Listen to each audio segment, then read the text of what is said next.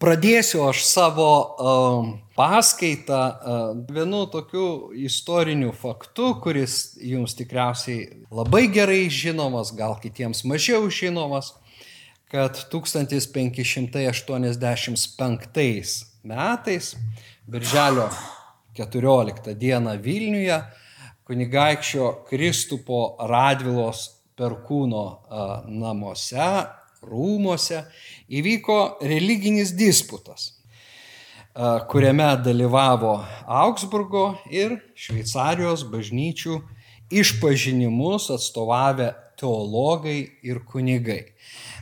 Kitaip tariant, Lietuvos liuteronai, tiek mažosios Lietuvos, tiek LDK, na ir LDK reformatai. Ir kunigaikštis sukvietė juos su intencija, na, kad jie susitartų dėl viešpaties vakarienės šventimų.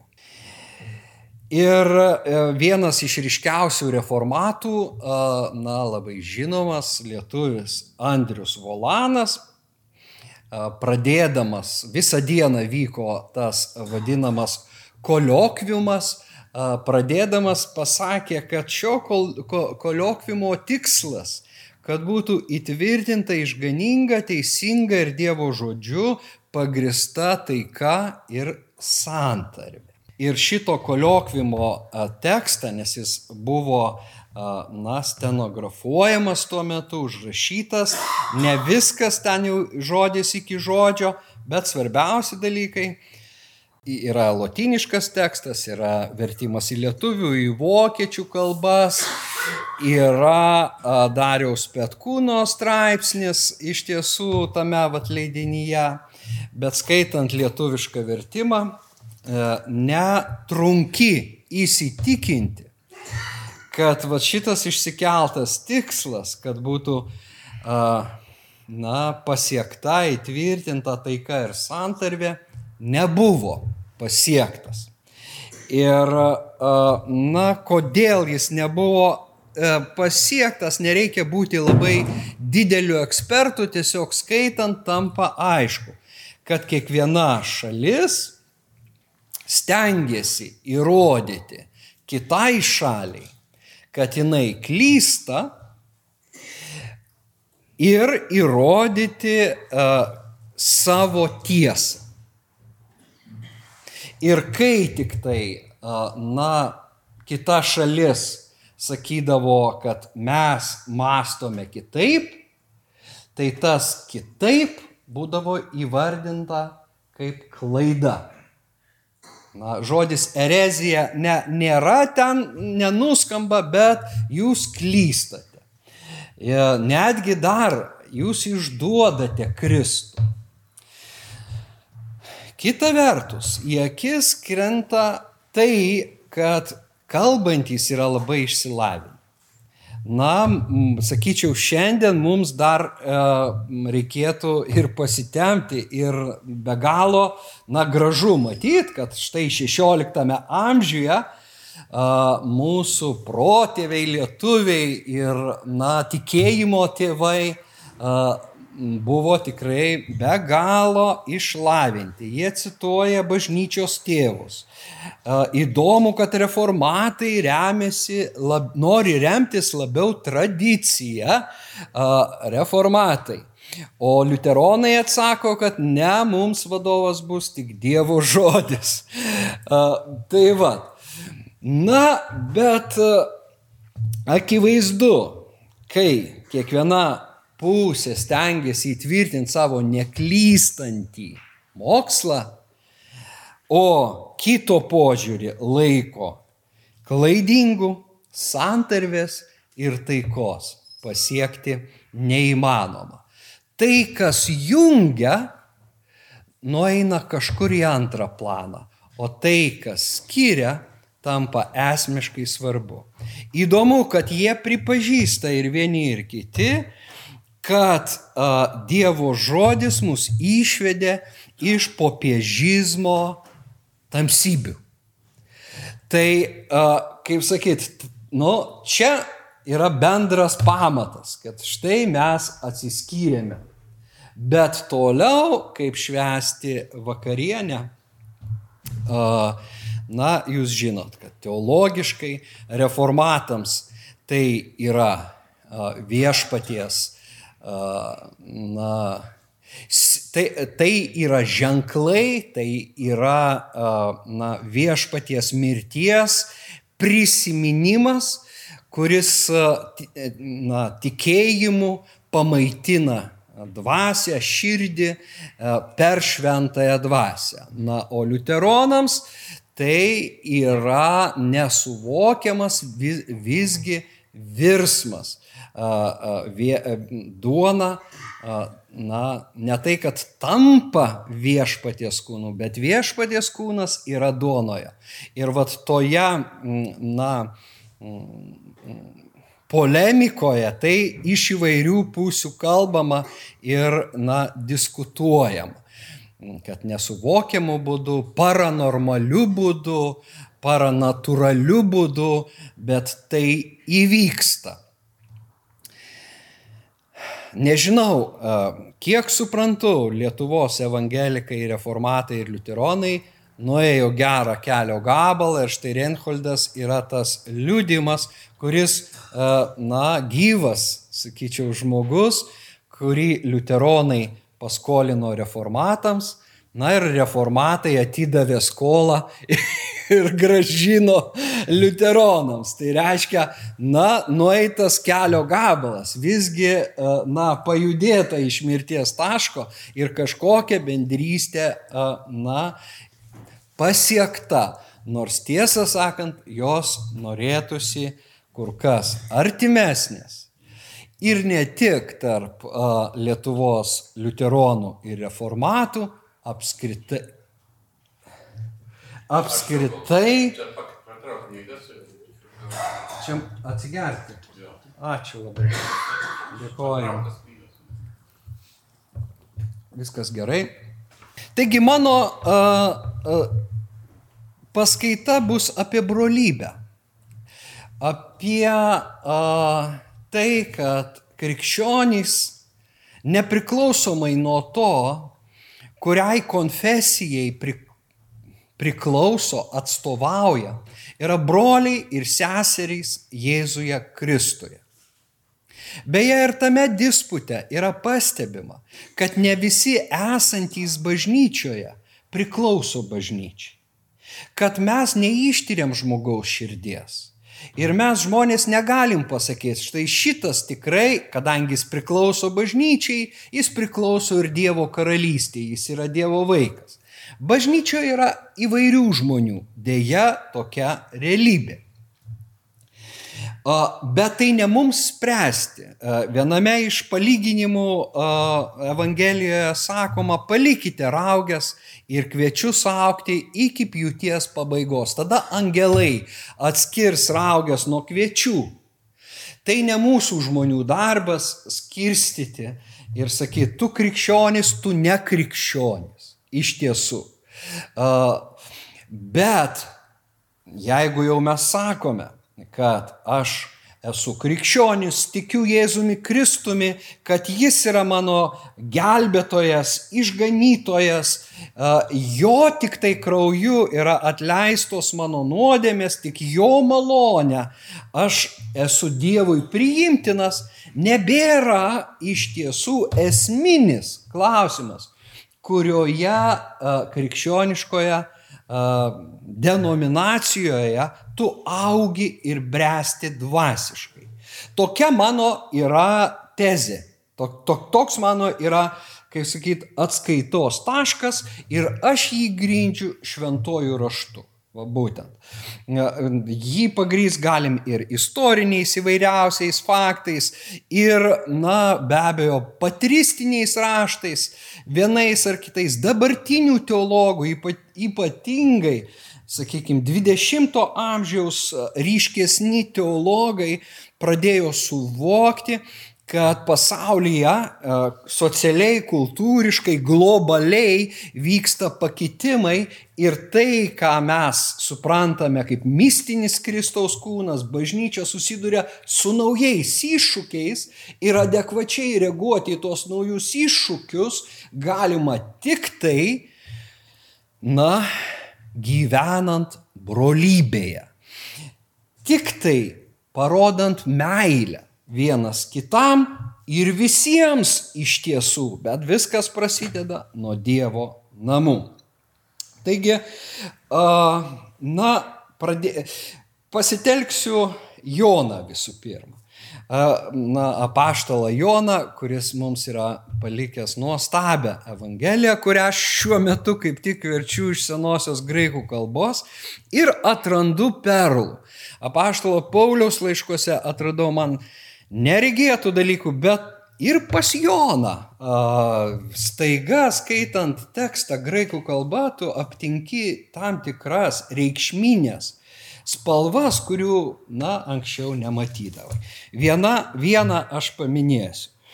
Bet, na, Jonas, sakyčiau taip, iš keturių evangelistų apie krikščionių vienybę, na, apie Kristaus mokinių vienybę ir apskritai apie vienybę rašo daugiausiai, jeigu paim keturias evangelijas. Kodėl? Na ir netikėtai aš darau tokią išvadą, šiek tiek su, na, ironija, šiek tiek ironizuodamas, bet galimas dalykas. Nes Lukas yra užrašęs tokį epizodą, kad apaštalai ginčijosi, kuris iš jų yra didžiausias. Jėzus pastatė vaikelį jų tarpę, mokykitės iš jo.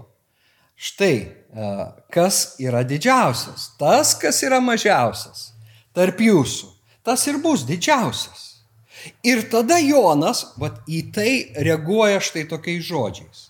Mokytojau, mes matėme vieną, tavo vardu išvarantį demonus. Mes jam draudėme tai daryti, nes jis nevaikščioja kartu su mumis. Jėzus atsakė, nedrauskite, kas ne prieš mus, tas už mus. Tai Jono reakcija. Tada skaitai Jono Evangeliją ir regis jis įsisavino va šitą įspėjimą, šitą Jėzaus pamokymą, nedrauskite kad yra tų, kurie nevaikšto su jumis, bet yra mūsiškiai, yra savi. Ne vis, ne, savi yra ne tik tie, kurie yra arti fiziškai arba ekleziškai, bet savais turi tapti ir visai svetimi, visiškai svetimi turi mums per Kristaus širdį tapti artimais. Kaip tam pranašas Senajam test, testamente sako, ir tuos a, tolimus pavadinsiu artimais. O artimi žiūrėk, taps tolimais. Kas įvyko su Izraelio tauta? Pas savuosius atėjo, prasideda Jono Evangelija, o savieji jo nepriėmė. Ar ne tiems, kurie priėmė, jis davė galę tapti Dievo vaikais. Štai Dievo vaikų vienybė Jono Evangelijoje skamba, kai dešimtame skyriuje kalbama apie gerą įganytoją ir avis, kurios klauso jo balso. Ir ten Jėzus pasako, turiu dar kitų avių iš jas taip pat turiu atsivesti. Jos irgi klausys mano balso. Tuomet bus viena kaiminė ir vienas ganytojas. Kas tos kitos avis be abejo mokiniams, tai buvo pagonys, pagonių tautos, nes visi mokiniai buvo žydai pradžiai. Ir jiems labai sunku buvo suprasti, kad ir pagonys gali tapti Dievo kaimenė ir bus viena kaimenė, vienas ganytojas, bet tos avis bus iš kitų avydžių. Tačiau Jono Evangelija rašyta jau šimtmečio pabaigoje ir akivaizdu, kad rašydamas ją Jonas jau turi omeny savo situaciją. Kai mes skaitome Evangeliją, mes turime omeny savo situaciją. Ir kai sako, turiu dar kitų avių, Jono pirmieji klausytojai supranta, taip, mes nesame vieninteliai, yra dar ir kiti, ar ne? kitose geografinėse vietose. Jie taip pat klauso gero ganytojo balso ir mes negalim kovoti su jais. Nors kovos bažnyčioje prasideda labai anksti. Ar ne tik tai apaštalų darbų pirmosios skyriuose mes turim tą vieningą bažnyčią. Jie viena širdim vaišindavosi, jie melzdavosi draugė. Na ir Dievo malonė lydėjo, nepaprasta Dievo malonė lydėjo juos. Tačiau jau paskaičius truputį toliau mes, mes pamatome, na, kiviršus ne tik tarp bendruomenės narių, bet ir tarp apaštalų. Jie nesutarė. Na ir iš Pauliaus vieno pirmo laiško korintiečiams mes iš, iš, pamatome, kad bendruomenė gali būti suskilusi. Ir, na, bet kol kas dar neikime iki Pauliaus, aš netikėtai Jono Evangelijoje atrandu tą vietą, kad aukščiausiasis Izraelio kunigas uh, ištarė tokius žodžius. Kai Sinedrionas susirinko Ką darysime apsvarstyti šito klausimo su Jėzumi iš Nazareto, jis daro daug stebuklų. Štai ką pasakė aukščiausiasis kunigas. Jūs nieko neišmanote ir nesuprantate, kad mums naudingiau, jog vienas žmogus mirtų už tautą, o ne visa tauta pražūtų. Tai jis ne iš savęs pasakė, bet būdamas tais metais aukščiausiųjų kunigų, pranašavo, jog Jėzus turės mirti už tautą. Ir ne tik už tautą, bet tam, kad išsklaidyti Dievo vaikai būtų surinkti į vieną. Tad nuo tos dienos jie apsisprendė jį nužudyti. Iš tiesų, Jėzaus mokslas, na, slopino tas tautinės, sakykime, ambicijas, ar ne, Izraelio, na, pol, politinę valią tapti nepriklausomiems nuo Romos, Jėzaus pacifistinis mokslas, kad jei tau trenkia per vieną skruostą, atsu kitą. Ir, na, jūs turite mylėti tuos, kurie jūsų nekenčia. Ir laiminti juos, ir melstis, Ka, kas bus, jeigu Izraelis perims štai tokias nuostatas? Jisai sako, ateis, e, na, romėnai sugriaus e, viską ir geriau jau tuomet tegul vienas miršta, o tauta tegul išlieka. Viena vertus rūpestis tauta, na, tiesos nužudimo kaina. Ne, čia yra kita tema, labai, tarp kitko, irgi aktuali, ar ne, nes kai tik tai kyla tos vat, tautinės, reiškia, na, tokios nacional... tauti, sakykime, meilė tautai, tautinės nuotaikos yra gražios, nes jos vienyje tautą. Ir tą kalbos ypatumą iškelia, na, sako, mes esam kraujo broliai. Tačiau istorija moko, kad tautinės nuotaikos gali virsti nacionalistinėmis arba rasistinėmis, ar ne, labai greitai. Kad ta meilė perauga į neapykantą kitokiam. Ir va čia yra pavojus ir Izraelis dėja, na, buvo tokioje vietoje. Jie vylėsi nepriklausomybės, Jėzus atrodė, kuris susilaukė tiek daug pasiekėjų, trukdo, mums naudingiau, kad vienas mirtų, o ne kad visa tauta pražūtų. Bet Jonas neturi jokios nuoskaudos, jisai sako, jis tai kalbėjo pranašiškai. Ir va čia tas teiginys. Jėzus turės mirti už tautą, na aišku, pradžioj Jonas pristato, štai Dievo avinėlis naikinantis pasaulio nuodėmę. Ne?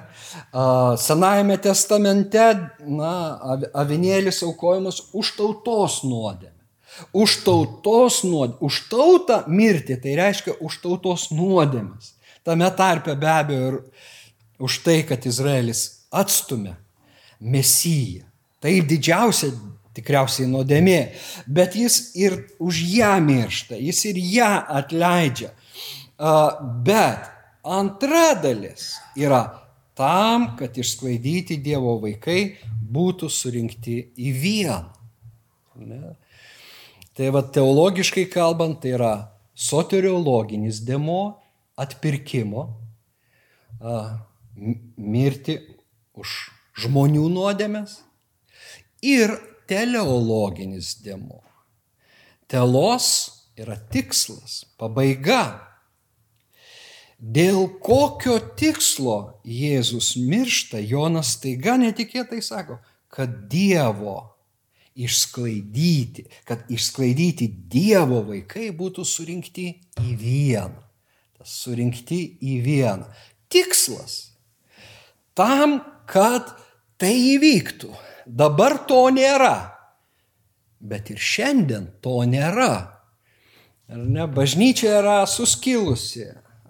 Įdomu, kad Izraelis buvo suskilęs į pietų ir šiaurės karalystės. Bažnyčia skilo į rytų ir vakarų.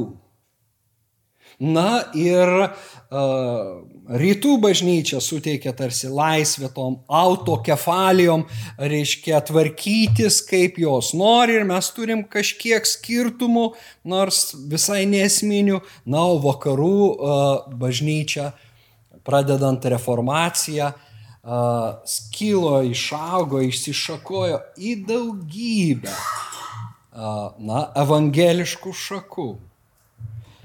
Bet Jėzus mirė tam, kad išsklaidyti Dievo vaikai būtų surinkti į vieną.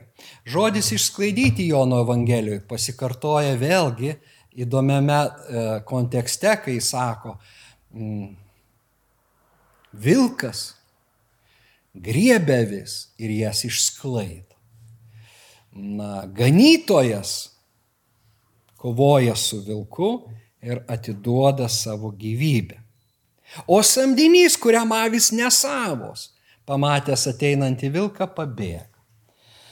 Na, čia yra, čia yra vėlgi tie pastoraciniai tokie pamokymai turintys labai gilias prasmes, mes to ne, ne, neaptarkime, bet faktas, kad tie vilkai vienokie ar kitokie išsklaido bažnyčią, išsklaido avis. Na, mes tinkintieji esame baukštus, kaip tos avis. Ir mums būtini ganytojai, bet paskui, kuriu, kad mes galėtume susiburti ir sekti. Bet, na, tie bažnyčios priešai vienu ar kitu būdu ima mus ir padalina reiškia, suskaldo, iš, iš, išsklaido. Ir akivaizdu, kad tai ne Dievo valia, tai realybė, bet Dievo intencija yra aiškiai įvardinta Jono Jėzaus atsisveikinimo maldoje. Paklausykite, kur Jėzus meldė Jono 17 skyriui. Tai jo paskutinė malda esant su mokiniais Jonas vienintelis vėlgi ją užrašo. Viešpat sako, prašau ne tik už šios, bet ir už tikinčius mane dėl jų žodžio, kad visi būtų vien. Čia pirmas prašymas, šitas prašymas tris kartą atsikartoja, bet aš sustosiu vat, po kiekvieno, bent po žodį dar pakomentuodamas. Žiūrėkime, kokia yra na, jungtis tarp ateinančių kartų ir pirmųjų apaštų.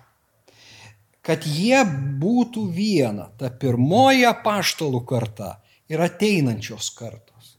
Mes negalim iš tiesų be apaštalų mokslo, be jų mokymo, štai kodėl mums reikalingas naujasis testamentas. Nes jis mus suvienyje su pirmaisiais. Per jų žodį mes tampame bendradalininkais tos pačios karalystės.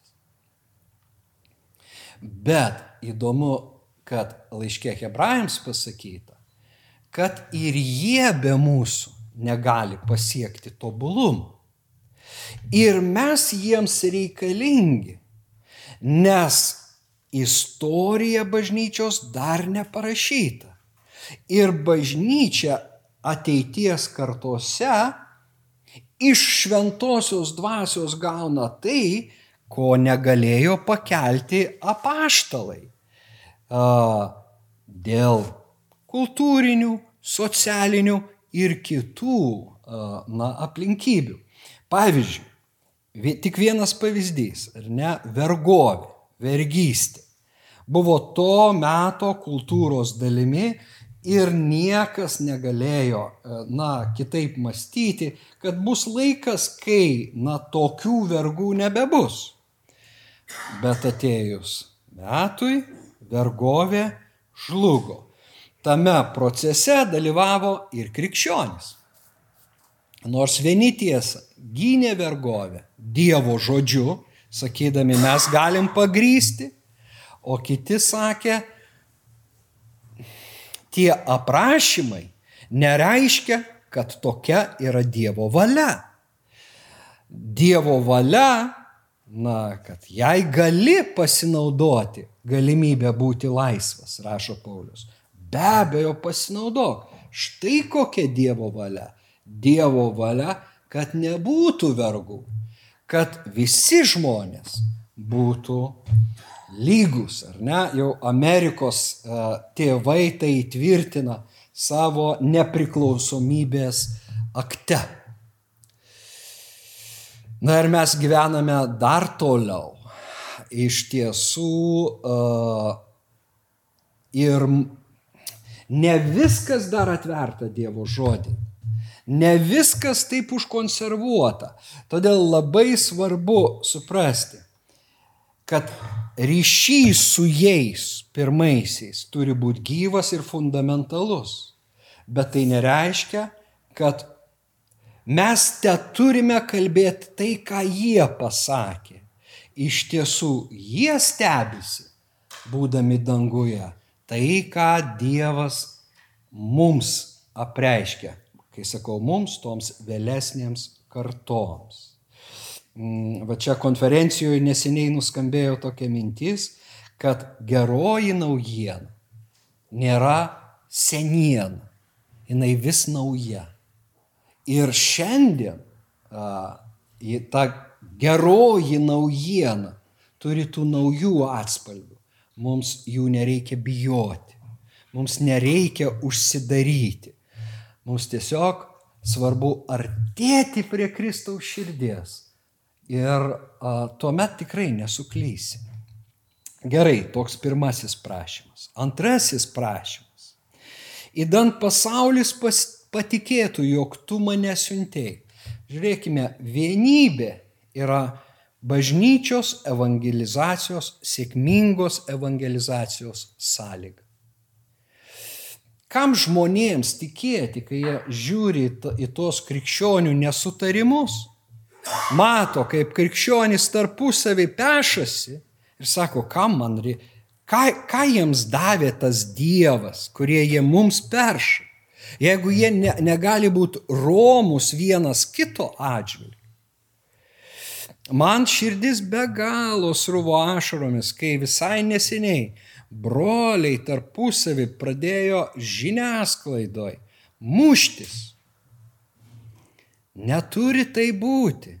Jeigu nesutinku su broliu, aš eisiu pas jį, nuvažiuosiu, atrasiu, išsišnekėsiu, bet ne viešai. Bandysiu su juo kautis, įrodyti, kad jis klysta, o dar labiau pažeminsiu kažkokiais pejoratyviais epitetais. Tai yra, na, žeminančiais epitetais. O kur yra Kristaus romumas, kur yra pakantumas, kur kur jo kantrybė, kokie mes krikščionys. Akivaizdu, kad pasaulis įtikės tik tuo met. Ir ta mintis irgi net kelis e, kartus atsikartoja, toliau pasako, įdant pasaulis pažintų, jog tu mane siuntėjai. Ir įtikės, ir pažins tik tuo met, jei mes, na, parodysime, kad esame broliai ir sesės, gyvenantis brolystėje ir mylintis. Ne tik vienas kitą, bet ir visus žmonės. Nežiūrint to, kad jie nesutinka su mūsų pasaulėžiu. Mes turime juos apglėpti ir išmokti, na, laimėti meilę, laimėti gerumu, o ne blogumu. Gerai. Taigi, kad jie būtų viena, kaip mes esame viena. Vat, antrame prašyme atsiveria paradigma - trejybė, tėvas, sunus, šventoji dvasia, trivienis Dievas, tačiau kiekvienas turi savo, savo uh, kažkokią dalytę skirtingą, nors jie yra viena. Tai va šita trejybės paradigma yra ir krikščionių vienybės na, pav, sakykime, pavyzdys. Ir yra toks graikiškas žodis perichoresis, perichorezė, kurį lietuviškai galima būtų versti tarpusklaidą arba tarpuskvarba. Tai vad vienybės asmenys skverbėsi vienas į kitą. Aš tavyje, tu manyje. Ne? Reiškia, ir vat ta trejybės tarpusklaida turėtų būti mūsų na, bendravimo pavyzdžių. Aš suprantu, kad kažkokiai kitai bendruomeniai arba kažkuriam mano broliui, tavo sesiai duota tai, ko aš neturiu. Aš galiu stengtis, kaip noriu, na neduota man. O kitas tai turi. Bet tai, ką jis turi, gali mane praturtinti. Bet jį aš irgi galiu praturtinti. Va taip mes ir skverbėmės vienas į kitą. Ne tam, kad uzurpuotume, atverstume, bet tam, kad praturtėtume per kitam duotą malonę. Na ir trečias prašymas yra toks. Aš juose ir tu manyje kad subrendę jie taptų viena. Įdant pasaulis pažintų, jog tu mane siuntėjai ir juos myli taip, kaip mane mylėjai. Tai va šitas, žinokite, ir yra tas va graikiškas pavyzdys, kur sakiau, kur Česlovo Kavaliausko vertimas paslėpė. Česlovo Kavaliausko vertimas, aš jį be galo gerbiu kaip vertėją ir kaip asmenybę, tai buvo išskirtinė asmenybė sovietmečių tarp kunigijos iš tiesų. Tokių išsilavinusių žmonių labai mažai buvo. Todėl nepriimkite, kad aš čia kritikuoju jį, bet, na, mm, jis irgi, na, turėjo savo ribas ir vietomis. E, kažko nepastebėdavo. E, taigi va šitoj vietoj jis išvertęs yra taip, kad jie pasiektų tobulą vienybę, mes skaitom, kad jie pasiektų tobulą vienybę. Graikiškas o sakinys e, pažodžiui skamba kitaip. Tobulumas yra susijęs ne su uh, vienybė, Vienybė graikiškam tekste neturi jokio epiteto, jokio būdvardžio, jokio pažymimojo žodžio. Nėra. Ten yra tiesiog tikslas. Yra eis, tikslas, tas prielinksnis eis į vienybę. O tobulumas susijęs su mokiniais. Kaip dalyvis. Na, kal, jeigu kalbėt vat, apie sakinio struktūrą. Taigi versti reikėtų maždaug taip, tiksliau būtų versti, įdant ištobulinti, jeigu jau norim žodžio to, tobulumas, tai ten ir yra tas dalyvis. Įdant ištobulinti, jie taptų vien. Litonistai nemėgsta žodžio ištobulintas, kai kalbama apie žmogų, todėl galima versti ir graikų žodynai taip pat nurodo ir šitą prasme, įdant subrendę, jie būtų viena.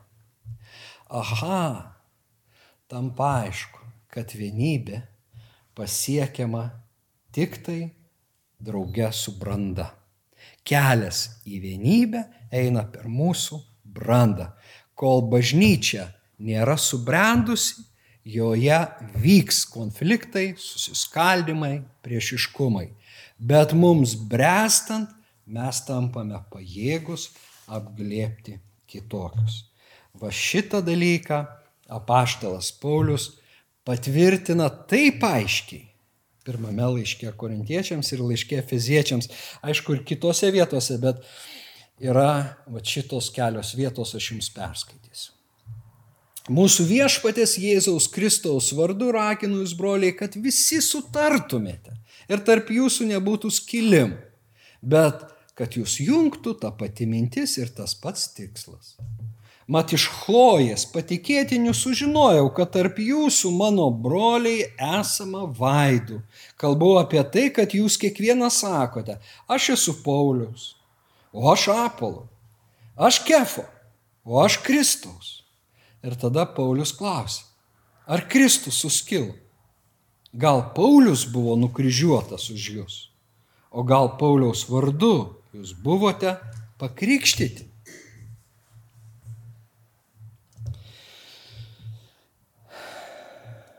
Na ir šiek tiek toliau. Jums, broliai, Aš negalėjau kalbėti kaip dvasios žmonėms, bet tik kaip kūno žmonėms, kaip kūdikiams Kristui. Žindžiau jūs pienu, o ne valgydinau, nes kieto maisto dar negalėjote priimti. Dar ir dabar negalite, nes tebesate kūniški. Jeigu pavydite ir vaidijatės, negi nesate kūniški. Argi nevaikštote žmogaus keliais? Kai vienas sako, aš esu Pauliaus, o kitas aš Apolo, argi nesate tik žmonės? Kasgi yra Apolas? Kas yra Paulius? Tarnai, per kuriuos jūs įtikėjote ir kurie tarnavo, kiek kiekvienam skyrė viešpas. Aš sodinau, Apolas laistė, bet augino Dievas. Nei sodintojas, ką reiškia, nei laistytojas, tik augintojas Dievas. Nu labai pažįstam. Na, šiandien mes girdim tą patį. Aš katalikas. O aš liuteronas. Aš reformatas. Na, o aš iš viso nepripažįstu jokių bažnyčių, aš esu Kristus. Labai, na, sakykime, modernu, netrodo, kad prieš 2000 metų rašyta žmogiška prigimtis išlieka ta pati. Mums žmonėms labai būdingas yra tas ap, rato apibrėžimas. Štai čia yra savi, už šitos ribos yra svetimiai. Prancūzų mąstytojas antropologas Klodas Levis Trosas, kurio na, tyrimus aš esu skaitęs, jis kalba apie čiabuvius kurie neturi nei išvystytos žemdirbystės, nei gyvulinkystės, nei rašto neturi. Bet sako, mes, civilizuota visuomenė, iš tiesų nuo jų labai nedaug ko skiriamės. Atmetus va šitos dalykus, iš tiesų žmogus ir santykiai tarp žmonių išlieka labai uh, panašus. Pirminėse žmonių bendruomenėse teikiamas ypatingas ryšys giminystės ryšiams. Kas susijęs giminystės ryš, ryšių, tas yra savas. Bet kas nepriklauso mūsų genčiai, yra arba keliantis pavojų, tai yra monstras, reikės gintis, arba na, menkesnės rušies gyvis, kurį reikia sunaikinti. Štai šitas mentalitetas. Vienintelis būdas tapti savu, tai eiti į giminystės ryšį. Na, indienai tas sudarydavo kraujo sandoras, tas kraujo sandorų sudarimas daugelį genčių, reiškia per tavat giminystės ryšį, jis tampa irgi mano, o aš jo. Labai mane nustebino, kai aš perskaičiau, kad a, va, reformacijos metu, 1537 metais, popiežius Paulius III turėjo parašyti bulę, bet visai ne dėl reformacijos, o dėl indienų. Nes ispanų a, tie konkistadorai, a, na, sakė, ką daryti su indienais. Ir daugelis kalbėjo, kad jie nėra žmonės. Ir, ir popiežiaus bulėje buvo pasakyta, kad pagonys indienai vis dėlto yra žmonės, turintis išganimo trokštančią sielą. Šaunu ar? nu, nu taip, indienai, nu, žemesni atrodė, Bet ar jie žmonės? O buvo toks klausimas. Ar jie yra žmonės? Ar jie turi sielą net? Tai va šitie pavyzdžiai parodo, na ir konfesijose vyraujantį mąstymą. Jeigu tu ne iš mano konfesijos, tai tu arba žemesnis,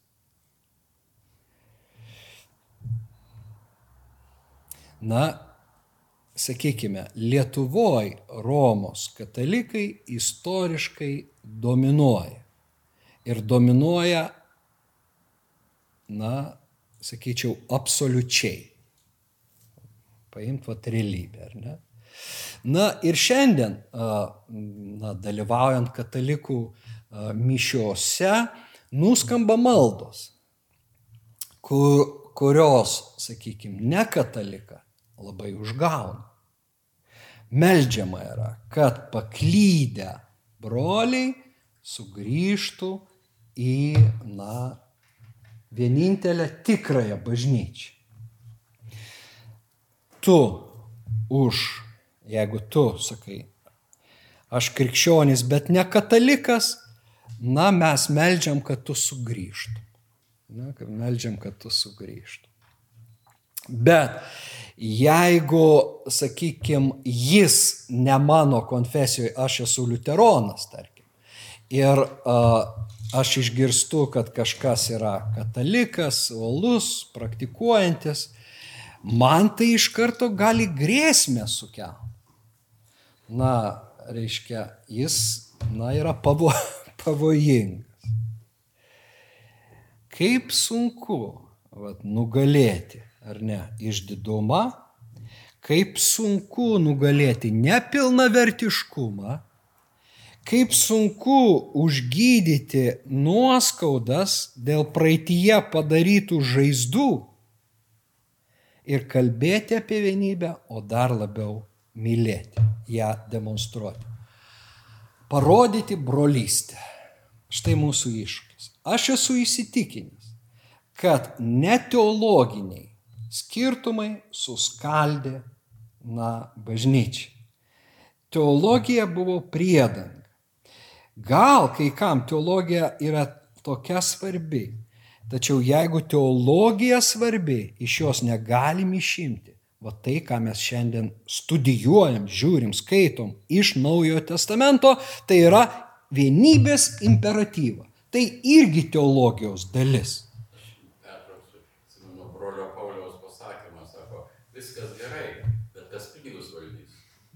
Va tie dalykai, va būtent.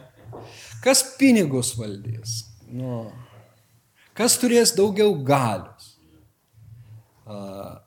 Paima viršų, bet tada iškyla klausimas, o kiek mes panašus į mūsų viešpą?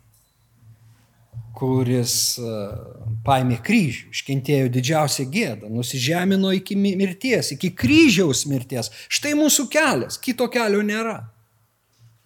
Ir jeigu juos sekam, tada nugalėsim, bet kas, kas turės galę. Paulius įvardina tai kūno darbais. Kūno darbais. Laiškas Galatams, penktas skyrius, žinokit, aš suskaičiavau. 15 charakteristikų kūno darbai. Spėkite, kiek iš 15 yra skirta va, vienybės griovimui, sakykime, arba brolybės paminimui. Na, kas spės? Trečdalis. Tai yra penki. Ne. Aštuoni. Aštuoni. Priešiškumas, nesantaika, rungtyniavimas, piktumai, savanaudiškumas, nesutarimai, susiskaldimai, pavydai. Daugiau nei pusė. Ir čia jis sako, jūs tebesate kūniški. Paulius nori suvienyti Korinto bažnyčią, bet susiduria su rimta problema - jų infantiliškumu. Jie nesubrendę. Kol jie nesubrendę, bus tai. Aš to, aš angažuojos to ir nieko nenoriu žinot. Man tai taip, kol tu esi vaikas, tu kažkuriame lopšyje esi supojamas. Viskas gerai. Konfesijos atlieka savo darbą, bažnyčios yra ta priebėga, tas lopšys, ta apsauga ir jos išnešioja kūdikius. Bet jau kai nu, bėga metai ir jeigu mes liekame kūdikiai ir vėl tą patį kartojame, mes nebrestame. O tai blogai, nes kaip ir kiekvienas organizmas, taip dvasinis, na, tas Dievo vaikas turi bręsti ir todėl Paulius, kai jisai kalba, jisai sako, bažnyčia bus auklėjama ir ūkdoma, kol mes visi pasieksime tikėjimo vienybę ir Dievo sunaus pažinimą, kol suauksime į Kristaus pilnatvės brandos amžių. Štai tikėjimo vienybė yra siejama su Kristaus brandos amžiumi, pilnu, pilnai subręsim. Ta pati sako ir Jonas, kad jie subrendę taptų viena. Štai tokia Jėzaus yra malda. Ir, na, nebeimsiu, jaučiu, kad aš pakankamai jau pasakiau, tik tai paminėsiu, kad Petras savo laiškose ir pirmame ir antrame uh, turi labai gražų graikišką žodį - Filadelfija. Uh, Filadelfija tai yra brolių meilė. Adelfos brolis, na, filėjo mylėti ir, na, ta Filadelfija yra kaip Suprantu tuos, kurie miestus pavadindavo šito vardu Filadelfija, bus šitas miestas, kur broliai mylės vienas kitą. Na, galime versti ir dviem žodžiais - brolių meilė, o dar paprasčiau - brolybė arba brolystė. Ir Petras rašo tiek pirmame, tiek antrame laiške apie tai, kad išsklaidyti, nes jis rašo išsklaidytiems piligrimams, nes bažnyčia jau buvo išsklaidyta persikiojimu, kad štai jie visgi palaikytų tuos vidinius ryšius ir iš širdies mylėtų vieni kitus. Štai šito klausimu dabartinis popiežius Pranciškus parašė encikliką la, labai gražus kūrinys ir labai graži vizija. Galbūt kai kam jinai atrodo utopinė. Na, išversti reikėtų mes visi broliai. Ir jis brolybę mato platesniam kontekste, ne tik bažnyčios na, mastu, bet apskritai apie žmonės sako mes visi plaukiam vienoj valti. Ir mes galim nesutikti su kito pasaulyje žiūro, bet mes turim suprasti, kad plaukiam su juo toje pačioje valtyje. Ir neturim siekti išmesti jo iš valties, bet turim siekti, kaip palaikyti darną tarp brolių. Ir įdomu, kad jis pacituoja Pranciškų Asižietį, ne, kuris jam padarė tokį, na, įspūdį, sakykime, tokią įtaką, tokį pėtsaką paliko jo tikėjimo kelionį, kad tapęs popiežiumis pasirinko būtent Pranciškaus vardą. Bet Pranciškus Asižėtis yra rašęs, palaiminti visi, kurie myli savo brolį, jam esant toli, tiek pat, kiek jam būnant arti. Na, čia aiškiai uh, tas siekis, kad nebūtų veidmainiaujam. Kai tu arti, aš gerai apie tave, kai tavęs jau nėra, aš blogai. Bet pra, Pranciškus čia įžiūri, kad jis kalba, uh, na, apskritai apie brolybę. Ir jos esmė pripažinti ir vertinti kiekvieną žmogų nepriklausomai nuo fizinio artumo. Neatsižvelgiant į tai, kur jis gimė, ar gyvena. Štai uh, brolybė, sakyčiau, galėtų būti tikrai labai, na, siektinas tikslas visiems mums. Ir baigsiu aš savo mintis labai ryškaus teologo 20-ojo amžiaus katalikų teologo, bet jisai tikrai išaugęs iš to konfesinio mąstymo, nors jis prisidėjo labai nemenkai prie antrojo Vatikano susirinkimo dokumentų, Karlo Ranerio minčių, štai apžvelgdamas būtent Vatikano antrojo susi, reiškia, dokumentus, jis taiga sako, aš nenoriu kalbėti apie šitos do, dokumentus teologiškai, aš noriu juos pasižiūrėti tarsi va iš eilinio a, parapijiečio sėdinčio a, na, klauptose bažnyčios a, vietos. Ir pasvarstyti, kokia bus ateities bažnyčia.